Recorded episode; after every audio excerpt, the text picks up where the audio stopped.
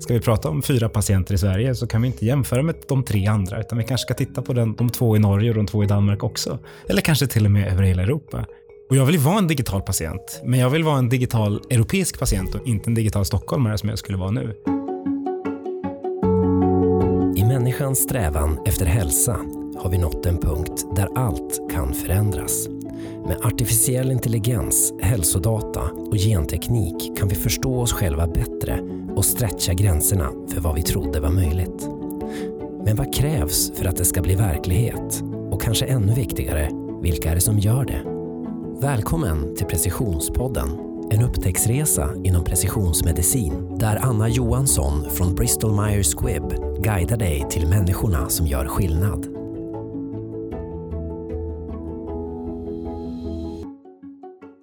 Välkommen till säsongsavslutningen av det som vi kommit att kalla för säsong två av Precisionspodden. I det här avslutande avsnittet så vill vi lyfta några av de viktiga tankar men också utmaningar som kommit fram under samtalen och kanske en och annan aha-upplevelse från den gångna säsongen också. Vi får se. 2020 har ju varit ett eh, minst sagt annorlunda år där vi alla navigerat mellan rädsla och hopp. Restriktioner, det har varit presidentval och hemmakontor och allt. Och Oavsett om du har suttit isolerad hemma eller tillhör de som helt enkelt behövs ute på arbetsplatsen så hoppas vi att du har funnit poddens gäster och ämnen intressanta. Jag heter Anna Johansson och vid min sida idag har jag än en gång bjudit in min kära kollega Jessica Lundström. Hej Jessica, vad roligt att ha dig med igen. Tack så mycket Anna, roligt att få vara med. Ja. Eh, men vi är ju inte ensamma här idag, eh, jag och Jessica, utan vi har ju tänkt att vi ska runda av den här sången riktigt på topp. Och då har vi bjudit in en person som verkligen brinner för det här med att skapa brygger inom svensk hälso och sjukvård och en person som inte räds att tänka nytt. Det gillar vi. I fjol så utsågs han till årets läkemedelsprofil och jag säger varmt välkommen till Precisionspodden Magnus Lejelöw på LIF. Och tack så mycket, vilken introduktion. Ja, tram... och något att bygga på. ja, trummorna går på. Eh, du, bara kort om dig. Du är, alltså, du är på LIF, branschföreningen för de forskande läkemedelsföretagen. Och där är du sakkunnig i policy, jobbar med regional samverkan och digitalisering. Stämmer lysande. Ja, bra.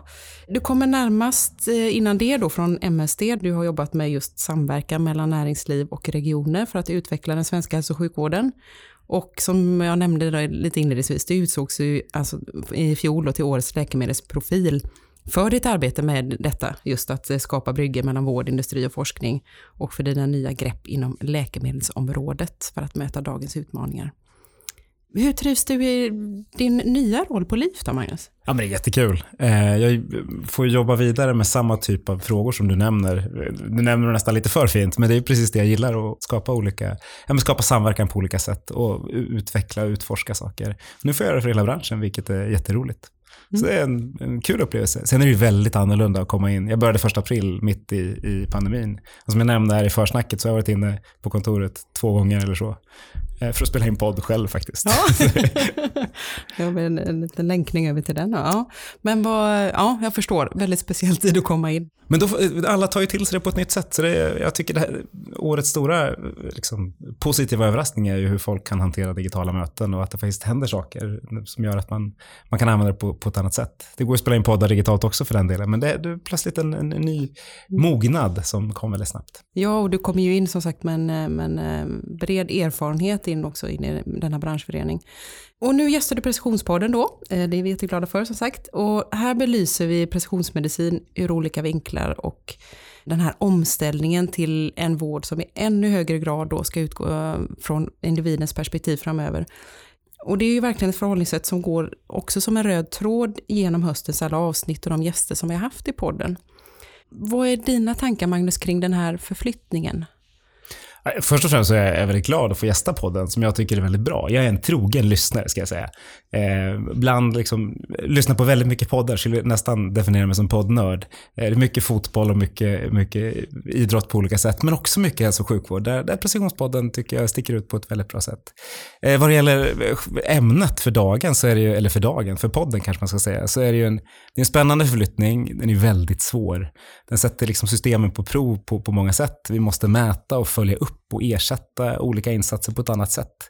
Eh, men sen är det ju fyllt av möjligheter. Eh, vi ska på riktigt bli personcentrerade och individanpassa både behandling och handhavande. Eh, det är en fantastisk utmaning, men det har ni belyst på många sätt under de avsnitt vi kommer att diskutera här under närmaste tiden. Mm. Det är ju vår ambition, eh, som du säger, med den här podden. Och vi ska hitta lite guldkorn från eh, de senaste avsnitten vi har gjort här. Du ska få chans att få komma tillbaka och, och fördjupa dina tankar eh, såklart eh, kring detta. Och, eh, jag tänker att vi ska gå in här och liksom försöka knyta ihop den här gångna säsongen. Då, och det ska vi göra i ett antal eh, återblickar, klipp Kul att höra. från eh, avsnitten som vi har haft här under, under hösten. Och jag tänker så här att liksom vi gjorde förra gången vi gjorde det här Jessica, eh, mm. återblick, så, så jag spelar upp några klipp och så reagerar vi på det. Låter det bra? Japp. Det låter mm. jättebra. Ja, bra. Vi är ganska nyfikna på klippen ska jag säga, jag och Jessica här. Ja, ja. Det är ju roligt att, eh, att höra vad det är som dyker upp av, av alla guldkorn. Ja. Man har lite så egna favoriter såklart, får vi se. Mm, ja. Det har varit många fantastiska samtal. Vi öppnade den här, vad vi nu kallar då andra säsongen, eh, med eh, ett ämne som eh, tangerar en av dina paradgrenar, Magnus. Vi pratade med Kalle Connery Lundgren, som jag tror du har pratat med även i den andra podden som du, som du har. Absolut. Och han är, är då operativ direktör på Karolinska Universitetssjukhuset. Så vi samtalade med Kalle och Mats Tyrstrup, organisationsforskare och forskningsledare på stiftelsen Leading Healthcare, om samverkan i avsnittet som heter Vårdstruktur med patienten i centrum. Och så här lät det då. Vi kan bota saker vi inte förut kunde bota. Och Det eh, finns läkemedel som är enormt dyra, men som ger en fördel för patienten. Och Den riktigt svåra frågan är ju, har vi råd med det? Men den vill ingen ta i. Så då pratar man hellre om, kan vi inte liksom organisera bort problemet att vi kan ge mer vård till flera? Och det, det kan vi nog inte kanske. Är det sjukvården som har ett problem eller vill vi ha bättre hälsa? Och Det är två ganska olika saker. Sjukvården är en del i en människas hälsa, men det är också kultur. Det är vänner, det är familj. Och eh, vi har väl börjat liksom identifiera på senare år att det här är någonting som ett samhälle vill värna mer om. Om det är ett tecken på att vi har börjat tänka mer på det eller att det är något som har försämrats över tid, det vet jag inte riktigt. Och Jag tror att det är jätteviktigt att hitta sjukvårdens roll i det där och jag tror, precis som vi var inne på, att komplexiteten i sjukvården och det som redan från början gör den ganska svårdefinierad gör att vi, vi gärna tror att där är centrum på lösningen. Jag är inte lika övertygad om att det är så, utan att vi måste lyfta blicken lite och se att centrum på lösningen sitter på systemnivå snarare. Vilket inte betyder att sjukvården inte också har förbättringspotential. Och då är vi ju inne på det här att, att allt fler aktörer börjar se sig själv som en del av ett större system. För det är väl det som är problemet många gånger, att vi tänker på oss själva som systemet. Men det vanligaste är ju att vi är en del av ett system. Hur är KS en del av ett system när det gäller hälsa för stockholmarna? Och vilka andra deltar i det systemet och hur skulle de kunna samordna sig? Så, vad, vad får ni för tankar, Magnus och Jessica, när ni, när ni hör detta? Massor, massor. ja, jag kan börja. Eh, ja, jag hinner tänka massa saker, men det känns som att medvetenheten ändå börjar öka om liksom hur individen bidrar. Tänker eh, om vi då kopplar ihop det med, med, digitaliseringen och det här med att vi mäter allt möjligt eh, som individer genom våra telefoner och klockor och, och, allt vad vi har. Och att det är en väldigt stor del av hur vi ser på vår hälsa nu. Så det, det var en reflektion som bara dök upp och hur man ska bygga in det i något slags system och få en förståelse för det, det vet jag inte riktigt, men jag tror att man behöver prata mer om det och kanske då inte bara prata i sjukvårdskretsar utan prata bredare om, om den frågan. Mm, Magnus?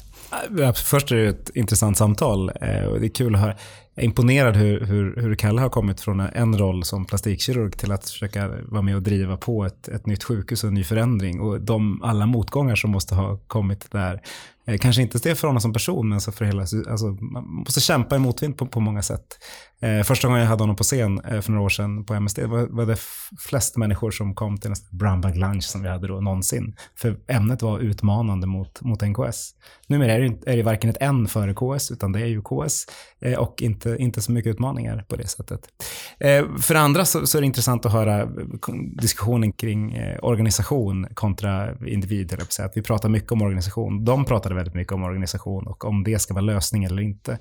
Eh, och det är ganska lätt att falla tillbaka på att organisation är lösningen, men det är ju sällan.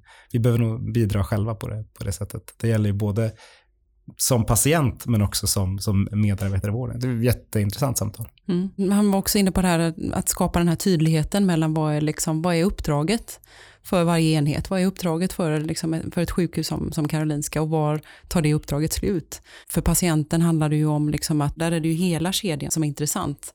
Hur får vi den här kedjan att liksom verkligen eh, bli sammanhållen ur patientens perspektiv?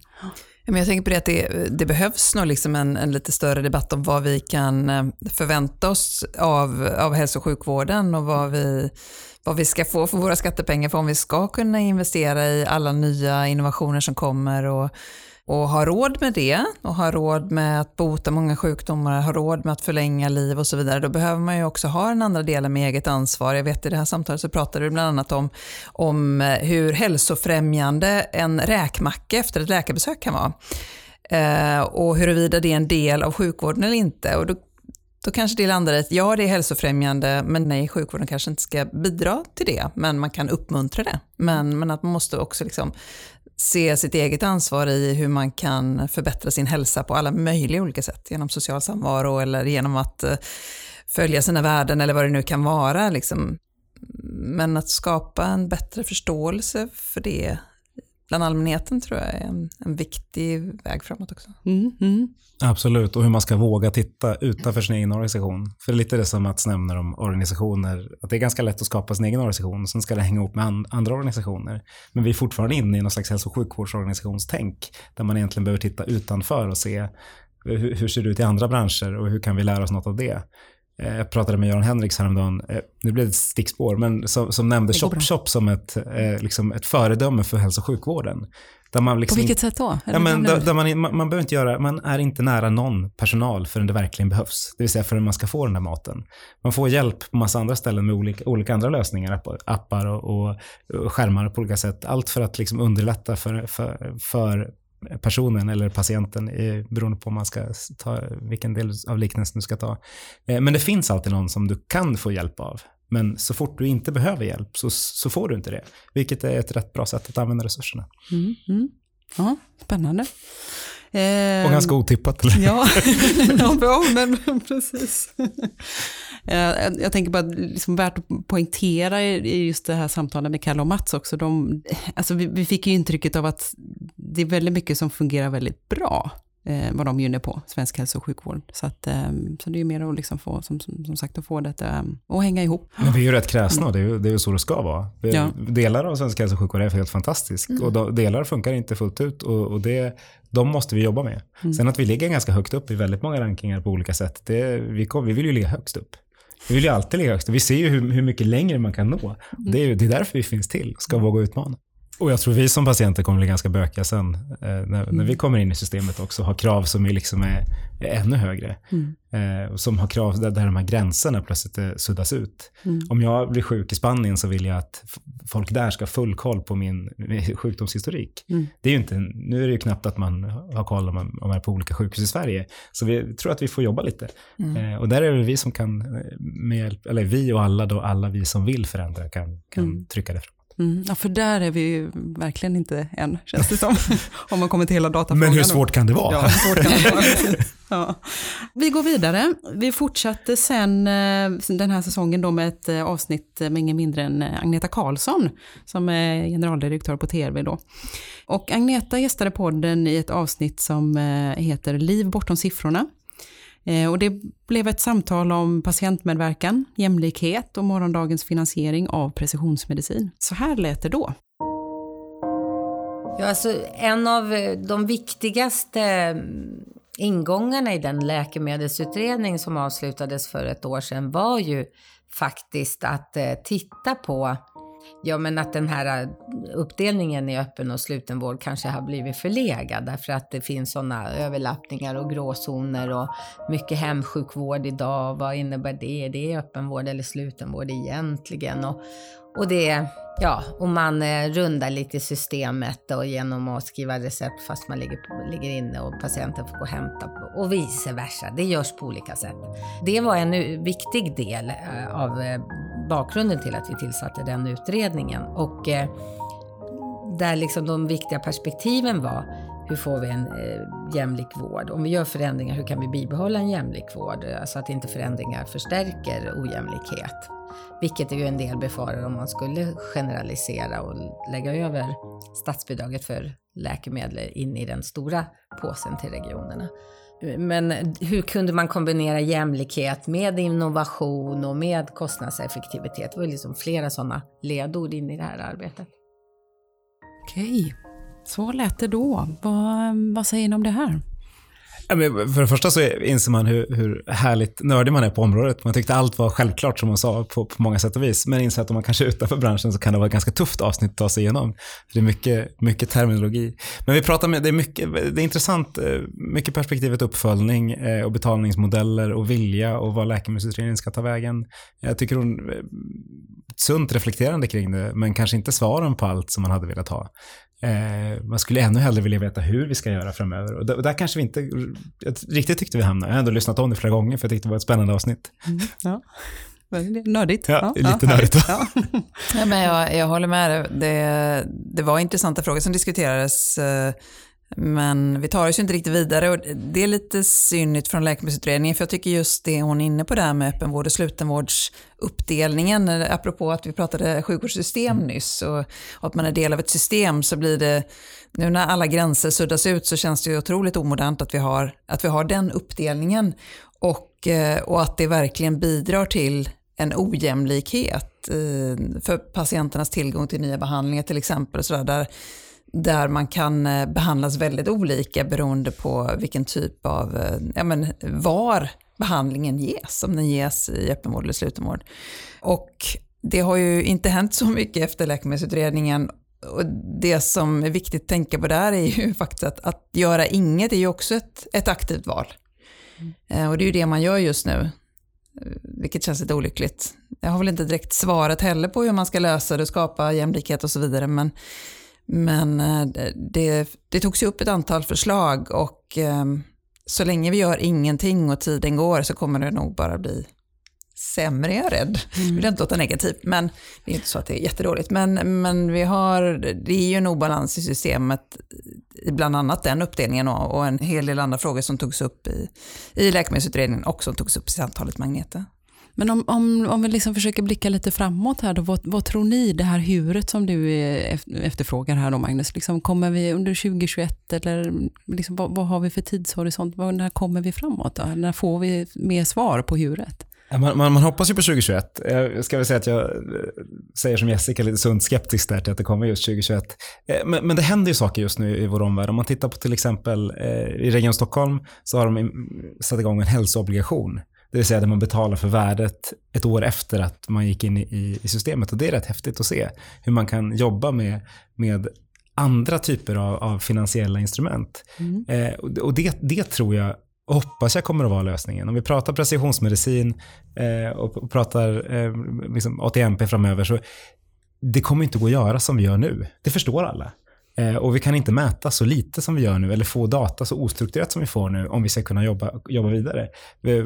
För ska vi kunna mäta på enskilda individer och ta betalt för enskilda individer då måste det handla om något helt annat. Och det förstår ju Agneta också. Så det ska bli kul att se hur vi, hur vi rapporterar det. 2021, jag hoppas.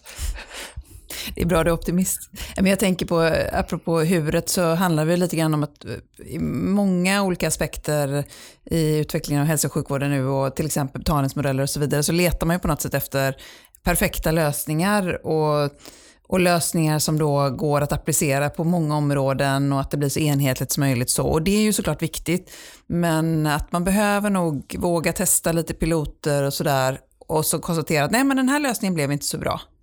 Eh, för om vi inte testar så kommer vi inte se, om vi, om vi väntar på att liksom få, få perfekta lösningar så kommer de ändå inte vara perfekta. Så man behöver nog våga testa några olika och sen liksom efter eh, något eller ett par år se, okej, okay, vad verkar funka bäst här då? Mm.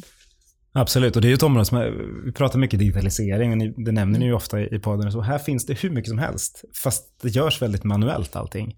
Eh, vilket är fascinerande hur, hur all den data vi har, vi har ju fantastiskt mycket hälsodata som inte hänger ihop fullt ut och som inte är automatiserat. Och det är klart, så länge vi inte har det så kommer vi få kämpa. Men det borde gå.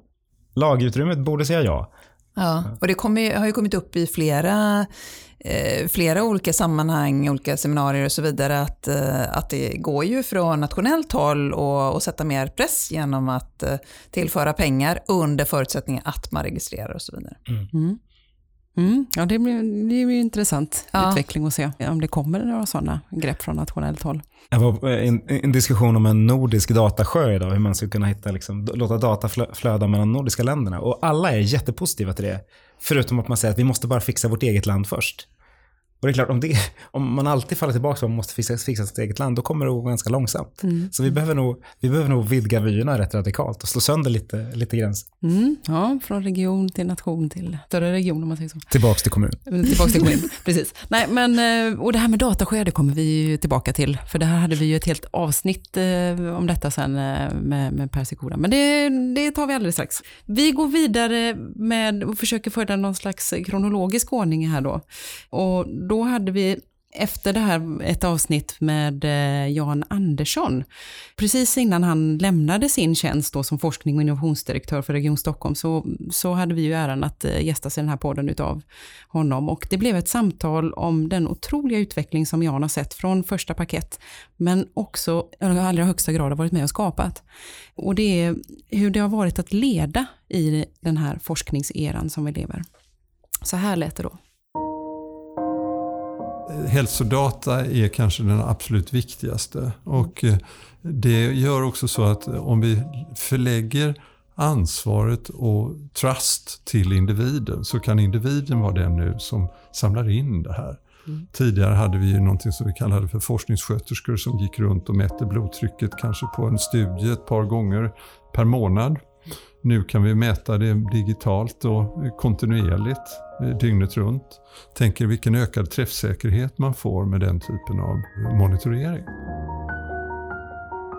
Individerna måste förstå att mer eller mindre alla med sjukdom borde egentligen ingå i forskning och utveckling för att vi ska få träffsäkerheten. Ja, vad är era tankar när ni hör Jan? Ja, det är min svar, ja. jag håller med. Mm. Det, apropå att göra inget så, um, så är det ju enorma värden som, som sitter i ja, till exempel min mobiltelefon som ligger på bordet. Mm. Mm. Få, få in datapunkterna och få mer, men också var inne på det här med liksom att vi måste få mer forskning generellt, ja. brett mer av det. Magnus, vad säger du? Ja. Här tänker jag mycket, det här är ett av de hetaste och roligaste områdena som finns just nu med Centrum för hälsodata och det, det som Jan har skapat. Där det finns hur mycket möjligheter som helst. Men också, eh, hur ska vi, insatsen, eller ansatsen är väldigt lovvärd.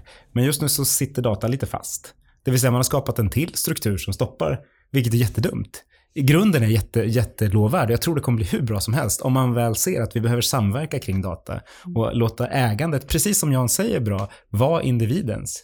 Det vill säga att det är inte, det är inte en regions data utan vi får jobba tillsammans med data, kanske låna den på aggregerad nivå på ett bättre sätt. Men här, här har vi ju en, en utmaningen som kan lösa den gordiska knuten om vi väl förstår hur vi ska använda den och har väldigt öppet sinne. Ja, jag var så väldigt glad när, när Centrum för hälsodata inrättades, att det var en väldigt bra ansats. Och eh, kan man känna lite som du där Magnus, att det vore, vi, vi vill ju jobba ännu mer med det, så jag hoppas att de möjligheterna kommer framöver. Jag tror att det är viktigt att vi, att vi jobbar tillsammans, alla aktörer inom hälso och sjukvården i, i de frågorna för att ta oss förbi eh, de hinder som finns. Liksom, för det, det, är, det är så här vi, vi ska lösa eh, ja, det ekonomiska och liksom allt framöver. Mm. Ja, och det, och det är väl där vi sitter, för alla har olika infallsvinklar i det. Alla har olika lösningar på problemet. Men vi måste nog titta på vilka de olika lösningarna är för att landa rätt. För det, vi vill lösa samma fråga, det vill säga få friska patienter eller få folk att inte bli patienter överhuvudtaget. Mm. Hur gör vi då? Telefonen är en, en väldigt bra start på, på, på, alla sätt och vis. Att använda den typen av data. Kan vi få in den? Ja, det kan bli hur kul som helst. Men den data vi har nu räcker långt mm. för att se ja, men hur, hur patienterna faktiskt mår idag. Och då skulle vi kunna göra, då har vi den hälsodatan, vi skulle kunna göra så mycket mer. Om vi väl svarar på rätt frågor och inte bara ja, traditionella forskningsfrågor. Som mm. jag är rädd att det just nu är. Mm. Gud vad negativ jag lät, det var ju verkligen inte min mening. Men jag... Nej, jag tycker, det tycker jag nog inte faktiskt. Jag tycker det ändå, och det, det tycker jag också att, eh, att, eh, att även, alltså Jan var ju väldigt eh, Alltså han är ju en av de här som, är, som ser liksom möjligheter och tittar framåt. Och, och, och det, det finns ju en, en, ett gäng sådana helt enkelt, som, som är de här som, som driver på och ser eh, och ser lösningarna och möjligheterna där, eh, där andra kanske ser att det är rätt så snårigt. Då. Eh, och det är väl kanske precis det som behövs. Ja, vad ni ville säga något. Nej, nej absolut ja, men jag tror det, det mm. förlängningen, Jan går ju vidare nu med, och så kommer det in eh, Klara Hellner som har jobbat i, liksom, i, forskning, eller i, i Stockholm länge. Det tror jag är en jättebra sak, att man faktiskt byter personer lite och mm. roterar och får in nya perspektiv. Mm. Det ska bli ytterst intressant att se vad som kommer att hända framöver också. Ja, forskning och, och datafrågan, det känns alltid aktuell. Nu nu kommer vi då däremot in på det här med datasjöar och det har ju pratats väldigt mycket om life science de senaste åren. Eh, inte minst då, eh, kring lanseringen av regeringens life science-strategi. Eh, och något som då inte riktigt är lika flitigt omtalat är det här med data science. Och i det här samtalet som vi hade Eh, med Per Sikora som är forskare på Sahlgrenska universitetssjukhuset och som, han sitter också med i ledningsgruppen för eh, Genomic Medicine Sweden. I det här avsnittet så var vi inne på precis de här sakerna och vi kallade detta avsnitt för Från kod till vård och då lät det eh, lite så här. Vi är begränsade i Sverige av ett, lite olika anledningar. Det ena är just det här med regionaliseringen då, att, att vi har de här regionerna, regionerna äger sin egen data. Och du kan inte på ett lätt sätt överföra data mellan regioner, oavsett hur gärna du vill. Eh, möjligheten nu mycket för att dela data är ju det här med så kallad sammanhållen journalföring. Och det gör att om du kommer in som patient i Uppsala och det finns en journal i Göteborg så kan du eh, läkaren i Uppsala hämta ut journalen från Göteborg eftersom man då har en direkt vårdrelation med patienten.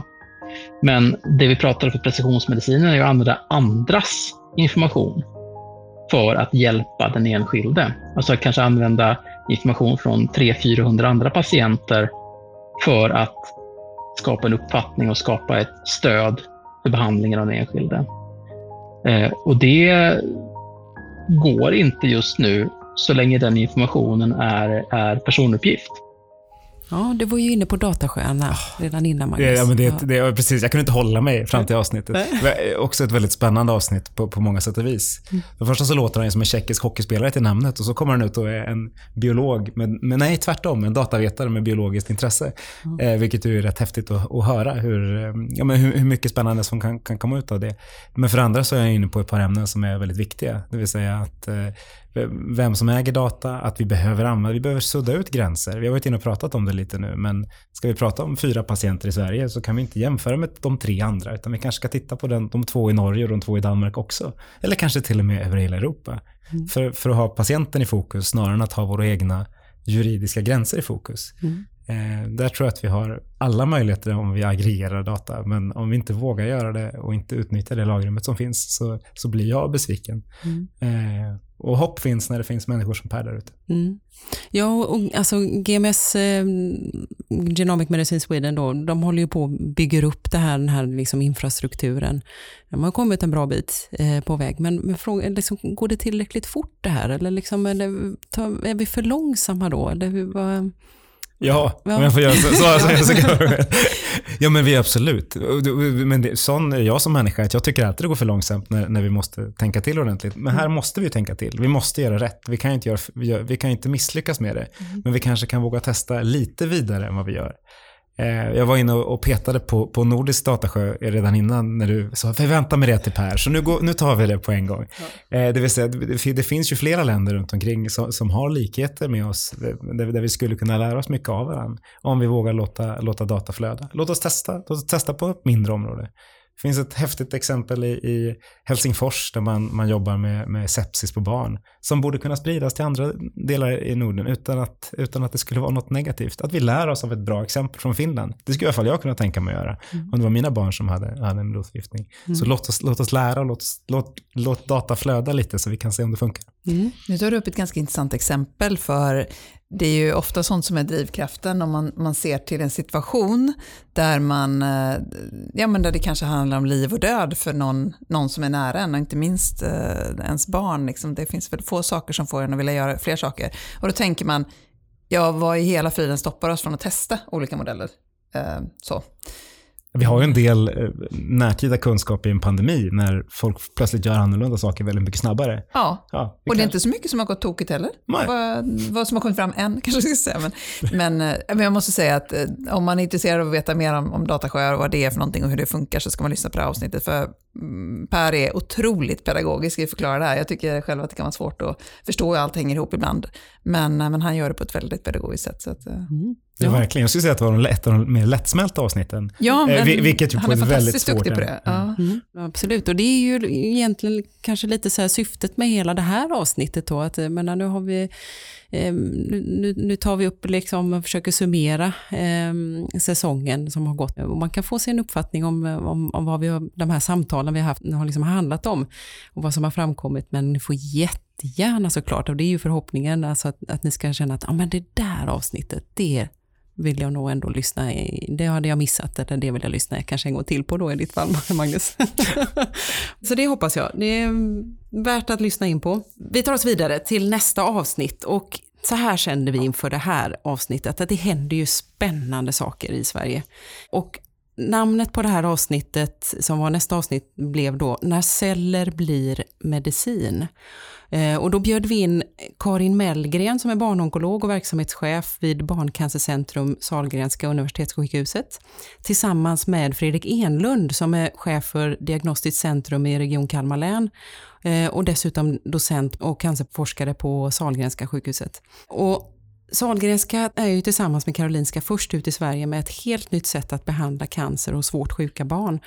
Så där hade vi jättemycket att prata om. Eh, nu ska vi lyssna in lite på det. Det finns ju de här kurvorna som jag tror att de flesta av oss börjar känna igen nu, som man har använt sig av i väldigt många år, överlevnadskurvor. Och det som har hänt de sista åren som gör att kurvan har skuttat uppåt lite grann, det är ju just det här som vi är inne i idag, att vi börjar få tillgång till ytterligare ett vapen, där jag ser att den här precisionsmedicinen kommer in.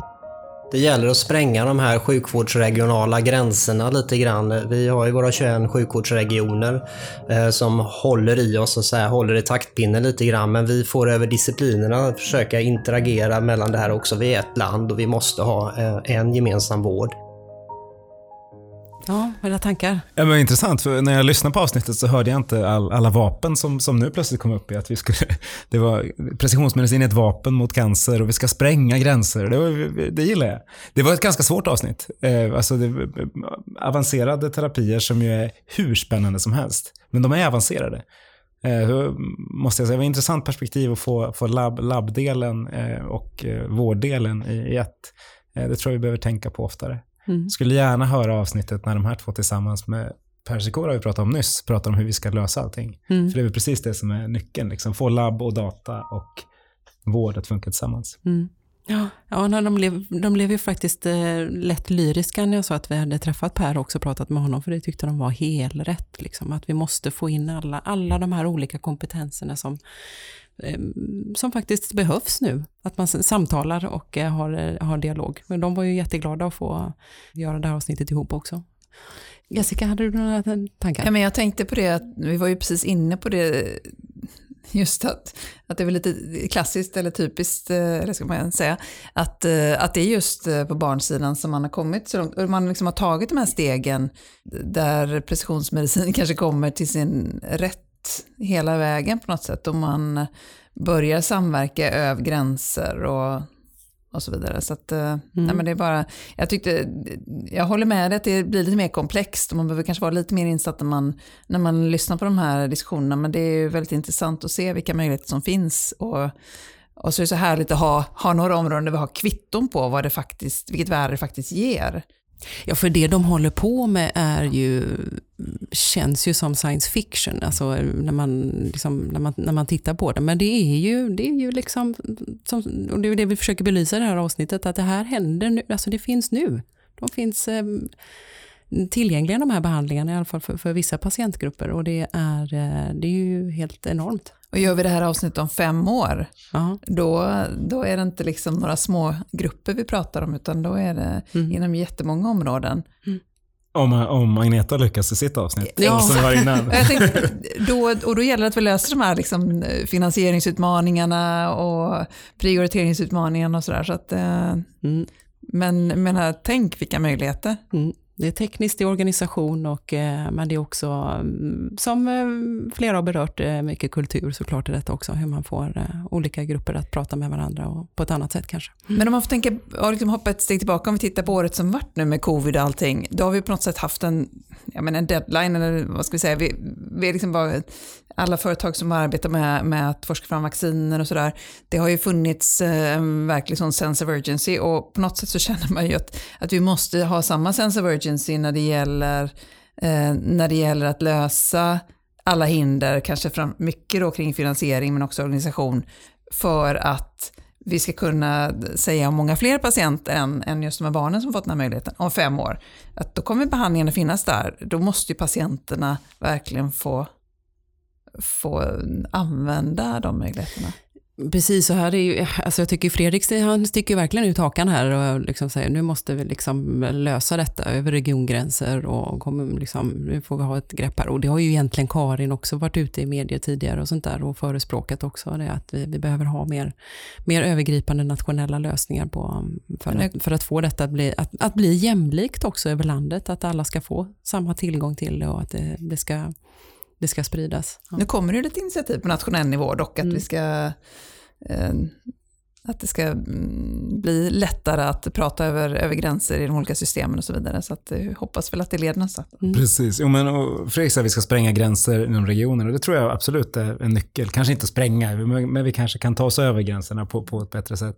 Men även om man tittar på vad pandemin har visat eh, bland läkemedelsföretagen som plötsligt samverkar på ett sätt som aldrig har setts förut. Och det ger ju resultat. Så det gäller att även vi rannsakar oss själva lite och ser när när är, det, när är det viktigt att vi faktiskt samverkar? Och det är ganska ofta. Mm. Vi, kan, vi får liksom släppa våra normala roller och hitta nya sätt. Vi lär oss mycket under pandemin. Jag tror, mm. hoppas vi kan ta med oss det också. Mm. Mm. Absolut, stor förändring. Ja, och apropå pandemin så blev det ju eh, heller inte något poddande från Almedalen, men däremot så poddade vi från det som istället uppstod, så Folkhälsodalen, eh, som i år då blev en virtuell dal, men med ett högst levande samtal.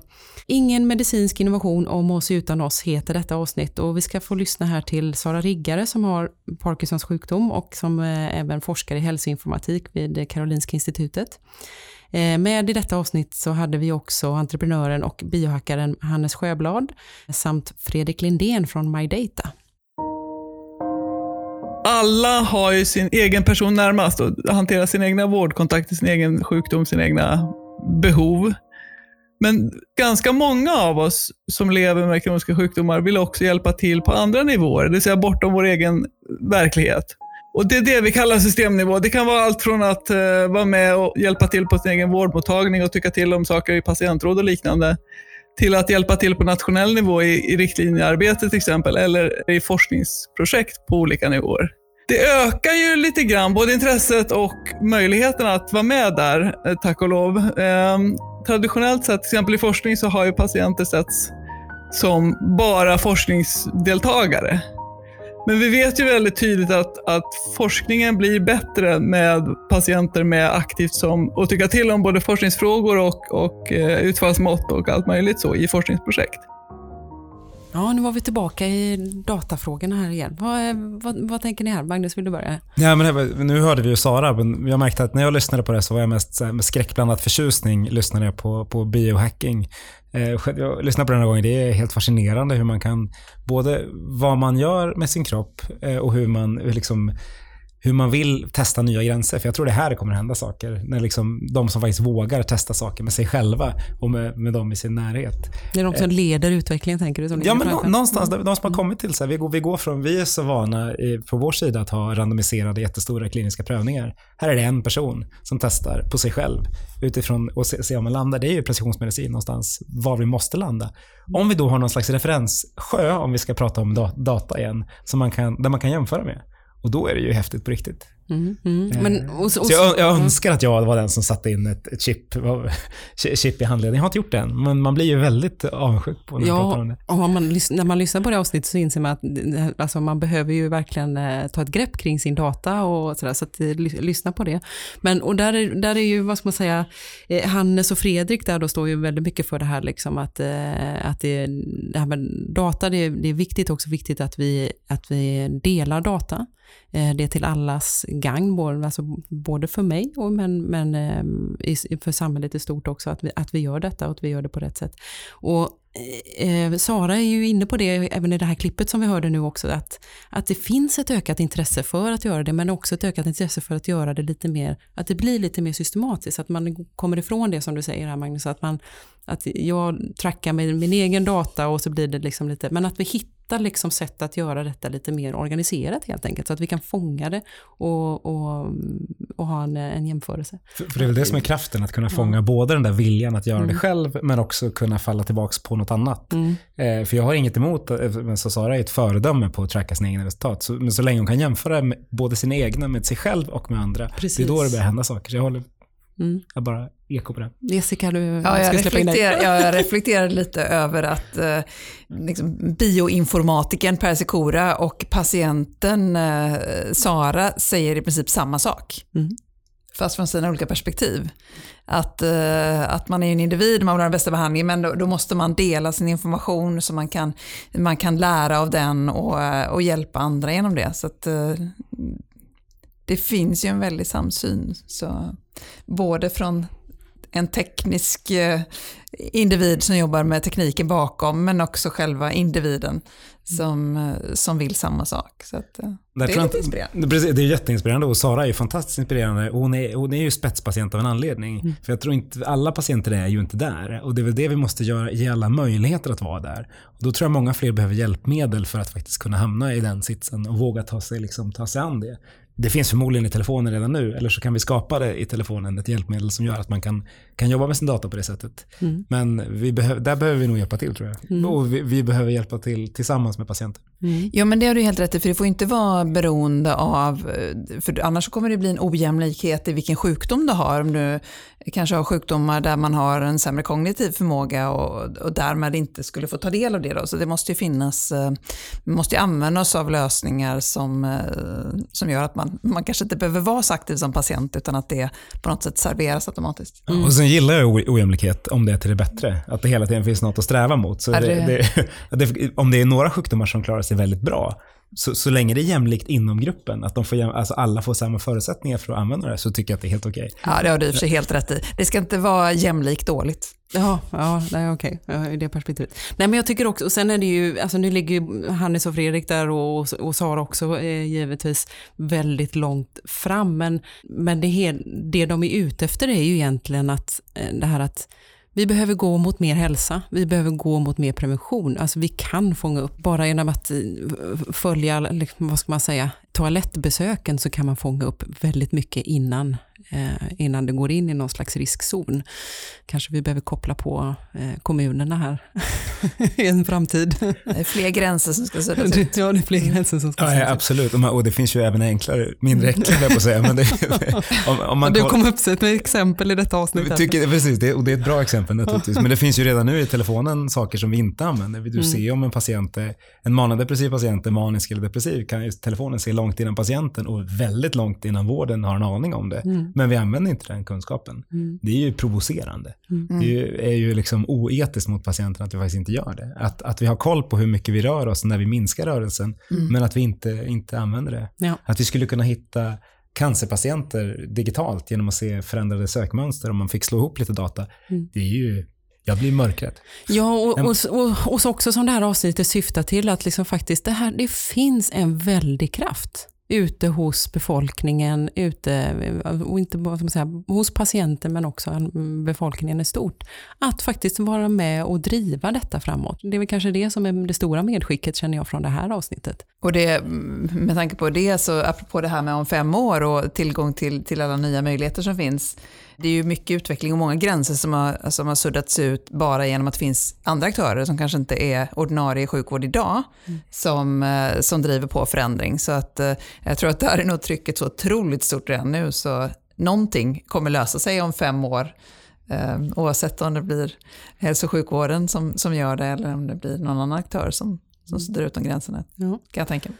Nu ska vi lyssna till Patrik Sundström som är programansvarig för e-hälsa på SKR och han gästade oss eh, för ett samtal om den digitala patienten. Idag förlitar vi oss på olika digitala enheter för att möta våra eh, behov och det är högst naturligt att vi tar med oss de här förväntningarna till vården. Vi träffade Patrik för att höra hur han tänker kring det här. Det stora problemet med, med, med, dagens lagstiftning, egentligen oavsett sektor, det är att lagstiftningen är liksom organisationsfokuserad. Eh, den utgår ju från vår gamla förvaltningslogik som Axel Oxenstierna la grunden för för flera hundra år sedan. Som har tjänat Sverige väldigt, väldigt väl i självständiga förvaltningar med, med murar till andra förvaltningar och så vidare. Men nu är vi inne i en värld när vi, inte minst i den här precisionspodden, vi pratar om någonting som är individcentrerat centrerat och det organisationsfokuserade, det lirar inte med det individcentrerade. Så alla organisationer som försöker nu eh, fila ner de här trösklarna mellan organisationer och mellan olika nivåer för att verkligen tillsammans se hela individen, de stöter på patrull i regelverket. Ja, vad säger ni om detta? Det är några olika perspektiv. Det, först var det intressant när man lyssnade på det att det, det var, går att tidsätta. För det, ni pratade ganska öppet om att han skulle iväg och flyga, Patrik och så. Och det var ju en liten tid då gick och man skulle iväg och flyga.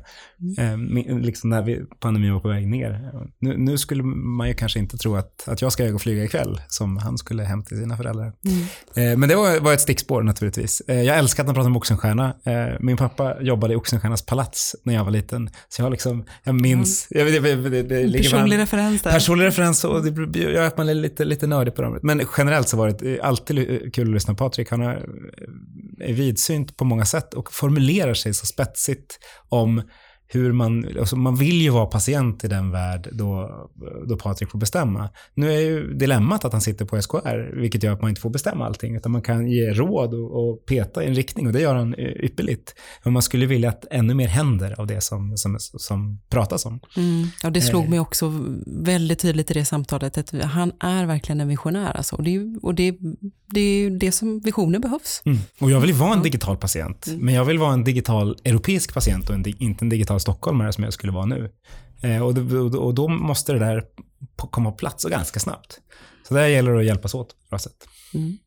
Jag gillar hans ansats om, om kulturen. Om att det, alltså teknik är ju coolt och roligt och häftigt, men det Patrik alltid kommer tillbaka till handlar om att vi måste ändra kulturen. Och att det egentligen är, alltså, digitalisering är ingenting utan kulturförändring.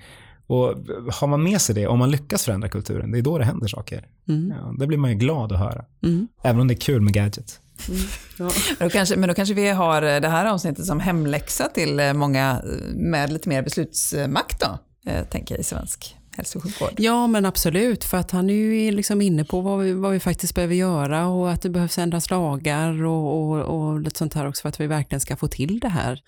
Och mycket av det vi har pratat om handlar också om, om gränsen mellan regioner och viljan att göra mm. saker nationellt fast, ändå är, fast det är regionala betalningsstrukturer. Mm. Och, och, där finns ju möjligheter. Mm. SKR har ju, även om man inte har mandatet, så har man möjligheten att koordinera på ett bra sätt. Så vi mm. hoppas ju att saker kommer att hänga ihop ännu mer nästa gång vi sitter mm. och pratar om sånt här. Ja, men precis. Han, så tillbaka till att han är visionär. Han vill ju liksom se det första digitala sjukhuset pratar han om. Och, eh, han var ju inte heller så förtjust i det här ut, liksom, ut, alltså benämningen precisionsmedicin, utan ville hellre prata om precisionshälsa och att det, vi behöver liksom dra pendeln åt det hållet. Vi har verkligen en möjlighet att göra det via, via ja, eh, via e-hälsan om man säger så. Mm. Men sen hade han, jag tycker också han hade en bra poäng när han just pratade om eh, om olika behov och olika utbud och olika vilja kanske olika tider. Just det här med kanske bara att man ska till mataffären. Mm. Att ibland handlar man på nätet och ibland eh, åker man till åker man och storhandlar. Ibland så ska man bara ha något litet och mm. gå till delikatessdisken eller vad det nu kan vara. Att ibland är det roligt att gå och handla och, eh, och man känner för att åka dit fysiskt, kanske mindre nu då. Men, och ibland är det bara skönt att få det löst genom att, att fixa det virtuellt mm. eh, över nätet. Och det, att, att sjukvården då ska kunna erbjuda samma sak och att det inte behöver vara så att en individ har samma preferens varje gång utan att mm. det kommer vara lite från fall till fall. Mm. En sjukvård i tiden helt ja. enkelt. Så sjukvården behöver hänga med. Liksom. Precis som det är nu om, man ska boka, om jag ska boka ett besök på min vårdcentral och bokar ett webbesök så är det ett besök som är bokat via webben och inte via telefon. Eh, I min, I min bok så är ett webbesök naturligtvis ett besök via webben. För, för, för det är jag som patient eller kund ser det som, som, som lösning. Men där, när, när systemet till och med är liksom uppbyggt utifrån ens egen IT-arkitektur, då, har man, då får man jobba lite tror jag. Ja, vi har, eh, tack för de eh, insikterna här. Här skulle du kunna prata ett tag till. ja, nej, precis det. Men eh, återigen, lyssna gärna på detta avsnitt eh, med Patrik. Eh, det, är, eh, ja, det är fantastiskt intressant att höra. Nu har vi kommit fram till sista avsnittet ett ämne här som, som eh, har blivit, vad ska man säga, nästan obehagligt påtagligt nu under, under den här pandemin som vi genomlever. Hur ska vi fördela vårdens resurser på ett så rättvist, mänskligt och effektivt sätt som möjligt?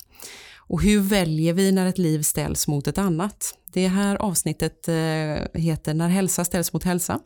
Eh, gästerna i det här avsnittet är professor Lars Sandman och riksdagsledamot Lina Nordqvist som också sitter med i eh, Statens medicinsk-etiska råd. Och eh, ja, så här lät det då.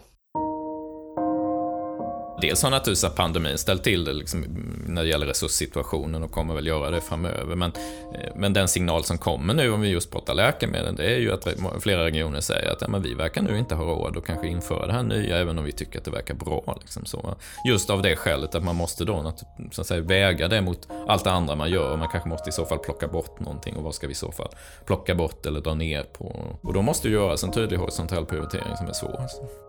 Vi prioriterar det som är liv och död så pass tydligt även i våra egna medvetanden att det indirekt kan betyda att fler hamnar där. Ja, vad säger ni nu då, när ni hör Lars och Lina här? Vill du börja kanske Jessica? Jag, jag, du vet att jag tycker det här är en väldigt spännande fråga. För vi måste nog prata mer om det här. Eh, för när man hamnar i en svår sits själv, om man är sjuk, någon anhörig som är sjuk, så då kommer man ju alltid vilja ha allt. Och då behöver det finnas någon slags grundförståelse för hur prioriteringar funkar i, i vården. Och jag tror inte att det gör det bland allmänheten, vilket är, vilket är synd. Jag tror att många prioriterar, prioriterar till exempel sjuka barn. Det, det är liksom väldigt känslomässigt, eh, det påverkar en mycket. Och, och jag är själv mamma och så är det klart att för mig ja, men känns det självklart att prioritera. Men det är inte självklart för alla. Och, och även om det är självklart så behöver man ju veta vad man väljer bort i så fall. Eh, om, man, om man väljer jättedyra behandlingar till svårt sjuka barn, till exempel. Bara för ett, det är ett ganska extremt exempel. Mm. Men förlåt att jag bryter in men tänk för Lina är ju inne på också det här liksom tidsbegreppet. Det var det, du kanske tänkte komma till det. Nej men just att välja vård idag så kanske det tömmer ut, liksom, om jag kanske bara har rätt till en viss liksom, eh, mängd vård. Och då kan jag välja att tömma ut den, det idag eller liksom vänta, eh, om jag kan då, eh, och ta det senare. Att man liksom, ja, det, det var ett litet nytt perspektiv. Ja, det var ett intressant då. perspektiv. Eh, och, och, det kan ju vara bra att ha det synsättet alltså för sig själv, att, att tänka så lite grann att slösar jag med resurser nu? Precis. Um, å andra sidan kommer det ju alltid finnas olika behov hos olika individer så att uh, man ska ju inte skrämma upp någon för mycket med det. Liksom. Men, men det är klart att ha en viss medvetenhet om att det man gör kostar. Uh, vi kan ju ta som exempel nu covid-testningen där, där det är ju toppen att det är så pass tillgängligt och det är gratis och det kostar ju ingenting för individen. Men vad, hur mycket pengar läggs det på att man med taxi kör ut prover och så vidare. Det är ju en viktig insats som görs och det är förmodligen det vi behöver göra men, men just nu är det nog inte så många som reflekterar över hur mycket pengar som flödar i det här systemet mm. och vad vi kanske behöver prioritera bort då istället. Mm. Det var ett väldigt intressant samtal på, på, på många sätt och vis. Eh, men det är svårt, och du säger en viktig sak där Jessica, att, att allmänheten borde förstå prioriteringar mer. Och jag, och jag, tror, jag tror att jag förstår prioriteringar ganska bra. Jag har en kompis vars barn blev sjukt i somras i cancer och då släppte jag allt sånt. Alltså alla, alla mina, all min förståelse om prioriteringar försvinner fullständigt när det liksom ligger nära en. Mm. Så det är, det är en sån här insikt att det, det, är, det är så personligt det här. Um, sen, måste, ja, sen var det ett, ett väldigt bra samtal och inte, härligt att höra hur mycket de inser att de behöver varandra, både politiken och eh, liksom prioriteringsförståelsen. Och du måste göra ett nytt avsnitt också, för du ställde ju inte Patriks fråga heller till, till Lars. Så. Insåg detta, jag, får, ja, ja, jag tar med mig den. Vilket är bara en bonus, för det var ett väldigt bra samtal. Jag tror att, precis som du säger, att kunna få ihop om man har lyssnat på de här perspektiven, att kunna få upp olika perspektiv i, i, i samma rum vore ju väldigt intressant. Mm. Eh, ja. mm. Det kommer ju aldrig finnas något svar på de här frågorna. Det är ju eh, lite dilemmat så, men, men att förstå de olika perspektiven är på något sätt, eh, ja, det blir grunden i alla fall. Så mm. man, kan, man behöver ju inte hålla med, men man kan ha en viss förståelse för att vissa beslut fattas och så mm.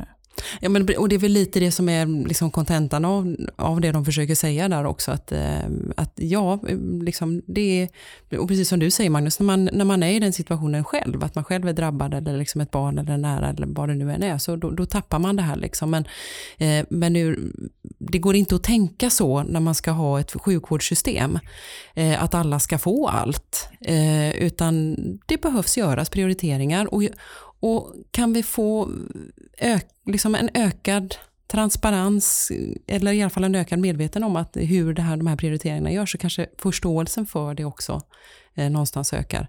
Eh, och det handlar om, om solidaritet och att vi, ska, att vi har resurser som vi behöver fördela på ett så rättvist sätt som möjligt. Och så var vi inne på det här med rättvisebegreppet, vad det, vad det egentligen betyder då.